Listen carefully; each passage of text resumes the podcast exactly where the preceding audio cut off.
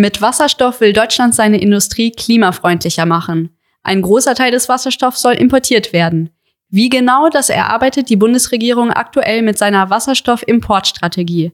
Mit Neke Wagner spreche ich heute darüber, ob Wasserstoff ein überschätzter Energieträger ist und welche Regeln es braucht, damit der Import von Wasserstoff fair abläuft.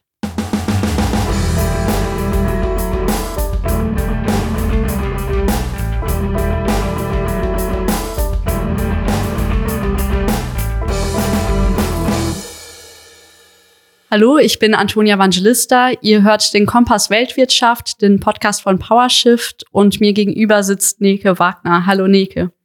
Hallo Antonia, ich freue mich, dass wir hier sind. Ja, ich mich auch. Neke, du arbeitest ja jetzt schon einige Jahre zur Energiewende, seit diesem Jahr bei PowerShift und äh, Wasserstoff ist da ziemlich in Mode als neuer Energieträger, der klimafreundlich ist und Industrie und Verkehr klimafreundlicher machen kann. Hast du so etwas wie ein persönliches Gefühl oder eine Beziehung zur Wasserstoffwirtschaft? Tja, ein Gefühl würde ich nicht sagen, aber ich habe eine Beobachtung dazu. Und zwar ist äh, dieses Thema Wasserstoff seit einigen Jahren immer größer geworden. Also es ist ein ziemlicher Hype inzwischen. Und es gibt ganz viele zusammengesetzte Wörter mit Wasserstoff, die Wasserstofftechnologien, die Wasserstoffwirtschaft, eine Wasserstoffgesellschaft soll es geben. Und ja, das ist halt einfach alles viel zu groß für das, worüber wir hier eigentlich reden, sondern ein wichtiges Detail der Energiewende, aber eben keine ganze Wasserstoffgesellschaft. Und ähm, ich habe halt das Gefühl, dass das auch ein Teil ist von der Strategie, auch gerade von den traditionellen fossilen Energiekonzernen, die eben als die All-Electric Society aufkam. Das war so ein geflügeltes Wort in den 2000er Jahren. Da ging es darum, dass ja die erneuerbaren Energien, Wind und Solar, äh, ja immer günstiger wurden, immer weiter verbreitet waren und man hatte man die Vorstellung, irgendwann haben wir unendlich viel Energie und dann äh, ist alles grün und dann können wir einfach alles mit Strom machen. Ähm, das hat auch so seine Probleme, aber natürlich hatte das vor allem Probleme für die Konzerne, die davon abhängig sind, dass sie Energieträger Träger in Gasform äh, oder in flüssiger Form transportieren. Und äh, ja, die haben sich jetzt quasi aus dieser All-Electric Society eine Hydrogen Society gebastelt und äh, laufen jetzt mit dem Begriff durch die Gegend. Aber ja, ganz so groß würde ich es auf keinen Fall aufhängen. Also du sagst, Wasserstoff ist schon ein wichtiges Element so der Energiewende, aber es wird auch ein bisschen sehr gepusht so von fossilen Unternehmen, die darin irgendwie eine Möglichkeit sehen, weiter zu existieren. Ja, genau. Also ähm, wir haben ja auch die nationale Wasserstoffstrategie, also die ja auch schon so ein paar äh, Fenster aufmacht, wie man sich die Importe dann irgendwie vorstellen wird. Und äh, da merkt man schon auch viel, dass da drum gerungen wurde, auch teilweise Wasserstoff aus bestimmten Bereichen rauszuhalten, wo die Industrie sie durchaus gerne gesehen hätte, wie zum Beispiel die dezentrale Wärme. Und äh, andere Bereiche wie eben im Verkehr, da ist halt auch noch recht viel Wasserstoff überall drin, aber da würde ich eben den Einsatz auch eher begrenzt sehen. Man sieht also, der Einsatz von Wasserstoff ist ein umkämpftes Feld und je nachdem sozusagen, auf welcher Seite man steht, ist es eben sehr viel oder eher wenig Wasserstoff, den wir brauchen werden. Du hast jetzt gerade schon angesprochen, dass es bereits eine nationale Wasserstoffstrategie äh, gibt und aktuell arbeitet die Bundesregierung noch zusätzlich an einer Wasserstoffimportstrategie. Warum braucht es eine extra Importstrategie? Ja, das ist tatsächlich eine gute Frage. Also im Grunde steht auch in der jetzigen Wasserstoffstrategie einiges drin. Vor allen Dingen, wenn man RegierungsvertreterInnen fragt, dann bekommt man die Antwort, naja, die Strategie ist so viel wie möglich, so schnell wie möglich und überall her was jetzt nicht unbedingt eine Strategie ist, aber das, ähm, ja, da frage ich mich dann halt nochmal doppelt, warum man jetzt nochmal so ein extra Dokument erstellt. Ich selbst habe durchaus einige Punkte, wo ich es toll fände, wenn die nochmal genauer geregelt würden. Also da geht es vor allen Dingen um äh, die Kriterien, die man anlegt an die Wasserstoffimporte, also dass die dann auch wirklich äh, dem Klimaschutz nützen, dass die auch international gerecht verlaufen und so weiter. Ähm, ja, bin ich mal gespannt, ob die Importstrategie das einlöst. Um das einzulösen, worauf müsste Deutschland denn dabei seinen Importplänen achten? Ja, also zunächst erstmal, wenn man einen echten Beitrag zum Klimaschutz leisten will, muss man natürlich darauf achten, dass der Wasserstoff auch entsprechend hergestellt wird. Es wird im Moment zunehmend davon gesprochen, auch fossilen Wasserstoff importieren zu wollen, also Wasserstoff, der weiterhin aus Erdgas hergestellt wird, nur wo man dann die entstehenden Emissionen äh, abfangen möchte und äh, in der Erde speichern, diese sogenannte CCS-Technologie die aber sowieso mit Risiken behaftet ist und dann auch überhaupt noch nicht in der Weise zur Verfügung steht und äh, vor allem eben das Problem nicht löst, dass äh, Wasserstoff, der aus Erdgas hergestellt wird, natürlich auch Erdgasemissionen erzeugt. Ähm, also insgesamt ist das absolut keine gute Lösung, wenn man von Klimaschutz spricht. Deswegen wäre das eigentlich sehr wichtig. Äh, ich sage eigentlich, weil ich fürchte, dass das nicht kommen wird, dass man sich in der Importstrategie auf grünen Wasserstoff beschränkt, was eben Wasserstoff wäre, der aus erneuerbaren Energien hergestellt wird oder mit Hilfe von erneuerbaren Energien hergestellt wird. Und dieser Wasserstoff sollte doch dann ökologisch auch eher unbedenklich sein, oder? Ja, wenn man es richtig macht, dann ja. Also auch da gibt es Fallstricke. Also es gibt zum Beispiel Bestrebungen, Wasserstoff auch mit Hilfe sehr großer Wasserkraftwerke herzustellen, also sehr großer Staudämme, das ist ein Problem, weil große Staudämme eigentlich A, fast immer damit einhergehen, dass Menschen ihre Heimat verlassen müssen, teilweise auch zwangsumgesiedelt werden äh, und auch außerdem sehr viel Methan auch entsteht, wenn man so einen großen, äh, eine große Fläche, wo vorher Pflanzen wuchsen, äh, mit Wasser volllaufen lässt. Ganz viele weitere Probleme für das lokale Klima. Also das wäre zum Beispiel eine Sache, wo ich sagen würde, so nee, das ist dann auf keinen Fall ökologisch produzierter Wasserstoff. Selbst wenn er grün ist eigentlich. Genau, selbst wenn man sozusagen nach der EU-Richtlinie sagen kann, dass er grün ist, würde ich an der Stelle sagen, ja, aber nachhaltig oder ökologisch ist das nicht. Okay, also bei den Importplänen wäre wichtig, dass auf jeden Fall grüner Wasserstoff importiert wird und der auch unter guten Bedingungen hergestellt wird. Worauf könnte Deutschland bei der Importstrategie noch achten oder sollte noch achten? Ja, also erstmal auch, um äh, bei den Klimaschutzproblemen äh, oder auch den ökologischen Problemen zu bleiben. Äh, wenn man Wasserstoff äh, mit Strom herstellt, dann braucht man sehr viel Wasser, weil das Wasser gespalten wird in Wasserstoff und Sauerstoff. Und das muss natürlich auch vorhanden sein. Und in sehr vielen Gegenden, in denen es sehr, sehr gute Bedingungen gibt für Solaranlagen, für Windanlagen, da gibt es wenig Wasser. Und da ist es natürlich ein großes Problem, wenn man da jetzt große Mengen von Wasser äh, zur Wasserstoffproduktion verwendet und das Wasser dann anderswo fehlt. Dann gibt es die Idee, Entsalzungsanlagen zu verwenden und dann eben Meerwasser letztlich benutzen zu können. Das ist im Prinzip auch möglich. Aber da hat man wiederum äh, Abfallprodukte. Also man hat dann eine sehr hochkonzentrierte Salzlauge, die auch noch andere Stoffe enthält, wie Mikroplastik und so weiter. Und damit muss man ja auch irgendwo hin. Also ne, die, oft wird es einfach zurück ins Meer geleitet, aber das ist letztlich auch nichts, was man im großen Stil tun sollte, wenn einem die Meeresökologie am Herzen liegt, zumindestens in der Nähe dieser Einleitungsstellen. Genau, also da muss man halt einfach schauen, dass man alle Aspekte dieser Anlagen dann auch wirklich so baut und konzipiert und betreibt, dass halt eben diese äh, Umweltprobleme sozusagen gut im Griff gehalten sind. Und dann gibt es noch den ganzen Bereich von äh, sozialen Kriterien oder auch inwieweit das äh, eben insgesamt äh, für die Menschen vor Ort dann auch zu einer guten Sache werden kann, dass eine Wasserstoffproduktion bei ihnen in der Nähe ist. Zu einer guten Sache werden kann es ja vielleicht, indem es auch die Energieversorgung verbessert für die Leute vor Ort, denn es braucht ja dann erneuerbare Energien, um den Wasserstoff herzustellen. Also kann das auch dann den Menschen vor Ort zugutekommen?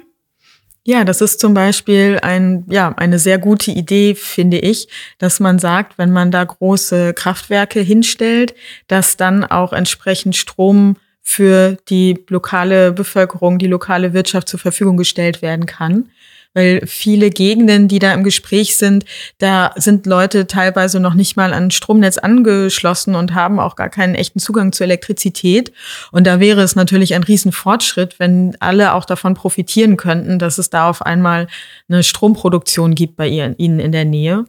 Und ja, und das kann man zum Beispiel einfach regeln, dass man sagt, okay, so und so viel Prozent der produzierten Energie muss eben in das lokale Stromnetz gehen oder muss eben halt äh, ja einfach in lokal auch verbraucht werden. Und ist das etwas, was tatsächlich im Moment auch schon passiert? Oder wie sieht das gerade aus bei Wasserstoffproduktionen, die gerade realisiert werden oder in Planung sind?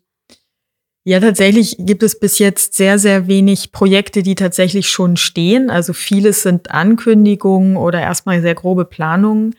Ähm, es gibt ja dieses große Projekt in Namibia, was auch recht bekannt ist, worüber auch viel berichtet wird, wo auch noch längst keine Bautätigkeiten begonnen haben, aber die haben zumindest den Plan, dass es einen Prozentsatz der erzeugten Energie auch in Namibia dann verbraucht werden soll. Also das ist vertraglich so festgelegt und ja, denke, das war äh, eine gute Sache, das so zu machen. Bisher ist ja noch nicht wirklich klar, wie genau das mit den Importen funktionieren soll. Also du hast gerade auch schon angesprochen, dass viele Wasserstoffprojekte eigentlich noch nicht realisiert sind, sondern gerade noch in Planung. Und es gibt auch noch nicht wirklich internationale Pipelines, durch die der Wasserstoff fließen kann oder Schiffe, die ihn transportieren können. Und die Importstrategie soll da ja ein bisschen Licht ins Dunkel bringen und konkretisieren, wie das mit dem mit den Importen laufen kann. Kann sie dieses Versprechen einlösen?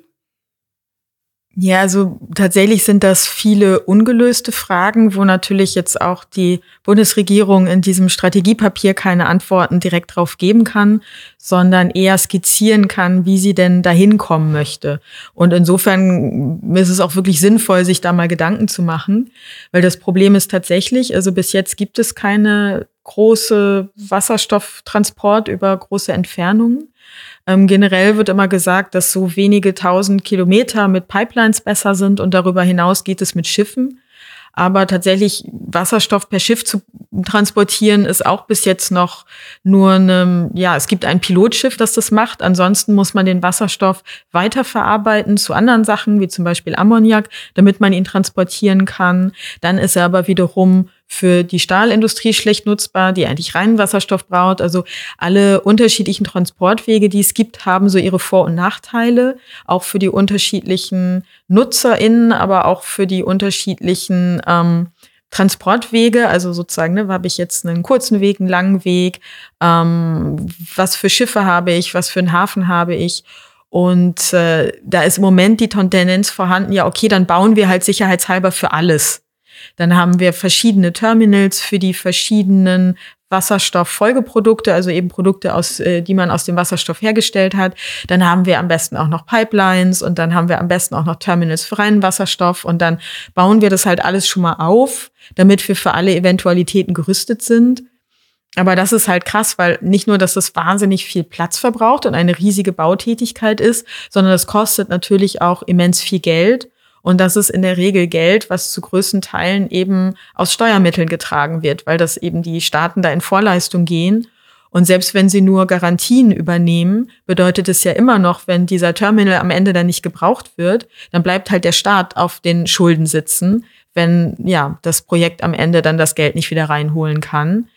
Deswegen würde ich mir halt wünschen, dass man halt nicht nur darüber nachdenkt, was es theoretisch für Transportmöglichkeiten gibt, sondern sich halt eben auch was überlegt, ja, eben, ne, dass man nicht alles auf einmal machen kann, sondern vielleicht schrittweise oder ja, so, ne, das äh, eine Strategie ist halt nicht alles sofort zu machen.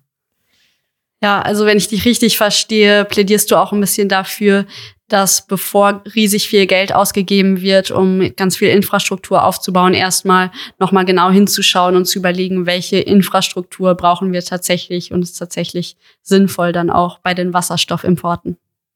Genau. Wir haben jetzt ja schon viel darüber gesprochen, wie der Wasserstoff in Deutschland ankommen soll, aber nicht darüber, wo er eigentlich herkommt. Also aus welchen Ländern soll denn Wasserstoff nach Deutschland importiert werden? Also im Prinzip ist auch da die Strategie überall her. Ähm, und natürlich ist es auch nicht unwichtig, äh, da mehr Lieferanten zu haben, weil natürlich diese einseitige Abhängigkeit von wenigen Lieferanten, die es jetzt beim Erdgas gab oder ja auch immer noch gibt, ein Problem darstellt.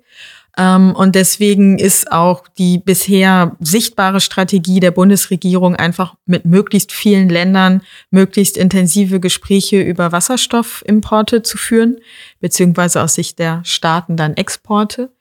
Und ähm, das Sichtbarste dabei, das sind so Wasserstoffpartnerschaften, die dann richtig so einen Vertrag sind oder halt kein völkerrechtlich verbindlicher Vertrag, sondern eher so eine Art gemeinsame Übereinkunft oder so ein gemeinsames Arbeitsprogramm. So von Staat zu Staat, von so bilateral. Genau. Also tatsächlich ja, gibt es ja auch multilateral, wo dann mehrere Staaten das gemeinsam vereinbaren. Ähm, ja, aber halt zum Beispiel ähm, Deutschland hat solche Verträge sogar eher mit Industriestaaten bis jetzt vereinbart. Also diese reinen Wasserstoffpartnerschaften, bilaterale, also Kanada, Australien und Norwegen, wo man schon sieht, okay, nach Norwegen könnte man auch eine Pipeline bauen. Kanada und Australien sind eher zu weit weg dafür. Mhm. Ähm, aber tatsächlich auch Namibia und Chile, also jetzt äh, auch eher weit entfernte Länder gehören auch dazu. Der Deutsche Wasserstoffverband sagt, dass es Importe braucht, weil in Deutschland nicht genug Wasserstoff hergestellt werden kann, unter anderem, weil die politische und gesellschaftliche Akzeptanz fehlt. Ist das im Ausland anders? Mm, also ich finde es tatsächlich etwas seltsam, wenn man sagt, ja, Wasserstoffproduktion im Inland ist schwierig, weil wir halt keine Akzeptanz haben für die ganzen Windparks, für die ganzen Solarparks. Und dann denkt man irgendwie, dass es dann anderswo in der Welt anders wäre. Das ist natürlich nicht so. Und äh, auch in vielen Ländern merkt man auch, dass ähm, es durchaus Widerstände gibt gegen diese großen äh, Projekte. Auch gerade im globalen Süden kommt dazu, dass die Leute oft sehr negative Erfahrungen damit haben, dass halt eben europäische Unternehmen oder generell eben halt Unternehmen aus reichen Staaten kommen und Rohstoffe abbauen und die dann einfach abtransportieren und im Grunde genommen vor Ort nur die Umweltprobleme hängen bleiben und weder viele gut bezahlte Jobs da sind, noch irgendwie andere Verbesserungen sozusagen im Leben sichtbar sind. Und äh, ja, das ist halt einmal eben eine Struktur, die eine koloniale Tradition hat und eben auch eine Struktur, die eben dazu führt, dass ähm, ja, Wertschöpfung aus den Ländern rausgeholt wird und nicht so sehr in den Ländern selbst produziert wird. Und äh, ja, dagegen wehren sich die Leute und ähm, da muss man dann halt auch Rücksicht drauf nehmen und muss dann eben sehen, wie kann man denn diese Projekte so gestalten, dass die eben halt auch vor Ort einen Beitrag zur Wertschöpfung liefern, dass die auch die lokale Wirtschaft, die ja auch in aller Regel schon da ist, dann auch unterstützen und nicht behindern und so weiter. Also da gibt es durchaus Arbeit zu tun, denn das Akzeptanzproblem ist äh, in Namibia zum Beispiel genauso wichtig, wie es in Deutschland ist. In unserer früheren Podcast-Folge zum Thema Wasserstoff könnt ihr auch nachhören, was die Importpläne für Länder des globalen Südens bedeutet und was es da auch für Widerstand gibt. Ähm, welche Kriterien müssten denn erfüllt werden, damit der Import und die Produktion fairer abläuft, deiner Meinung nach, Nelke? Ja, also tatsächlich stehen in der Wasserstoffstrategie schon an mehreren Stellen auch Ansätze drin wo ich mich sehr freuen würde, wenn die dann auch entsprechend ausgeführt werden. Ähm, besonders gut gefällt mir einmal der Punkt, dass ähm, die, was der Wasserstoffexport auch eine Förderung von lokalen sozial-ökologischen Gesellschafts- und Wirtschaftstransformationen unterstützen soll und auch die lokale Energiewende. Und eine weitere Stelle lautet, dass auch die Erhöhung der Wertschöpfungsstufen in Entwicklungs- und Schwellenländern im Sinne einer grünen Industrialisierung äh, verfolgt werden soll. Also um nochmal zu rekapitulieren, ähm, es steht schon in der Wasserstoffstrategie, dass Wasserstoffprojekte zu mehr Wertschöpfung vor Ort beitragen sollen, Beitrag zur Energiewende leisten und die sozial-ökologische Wirtschaft vor Ort in den Importländern gestärkt werden soll. Ja, natürlich sind es sehr abstrakte Begriffe, die hier äh, auftauchen, aber sie sind trotzdem spannend. Denn zum Beispiel dieser Punkt mit der grünen Industrialisierung, man kann sich schon fragen, warum denn in einem Land der Wasserstoff hergestellt werden soll. Dann wird er zu Ammoniak weiterverarbeitet und dann irgendwo hin verschifft, wo dann dieser Ammoniak wiederum weiterverarbeitet wird, damit dann das Endprodukt wieder zurückimportiert wird. Ne? Also zum Beispiel ein wichtiges Produkt, was aus Ammoniak hergestellt wird, ist Düngemittel. Nun kann man natürlich synthetische Düngemittel sehr kritisch sehen, sowohl aus Klimaperspektive als halt auch aus der Perspektive von einer gesunden Landwirtschaft. Nichtsdestotrotz wird es gerade gebraucht und wird halt auch in Ländern des globalen Südens gebraucht. Und dann kann man natürlich schon sagen, warum nicht einfach die Weiterverarbeitung gleich dort vor Ort haben.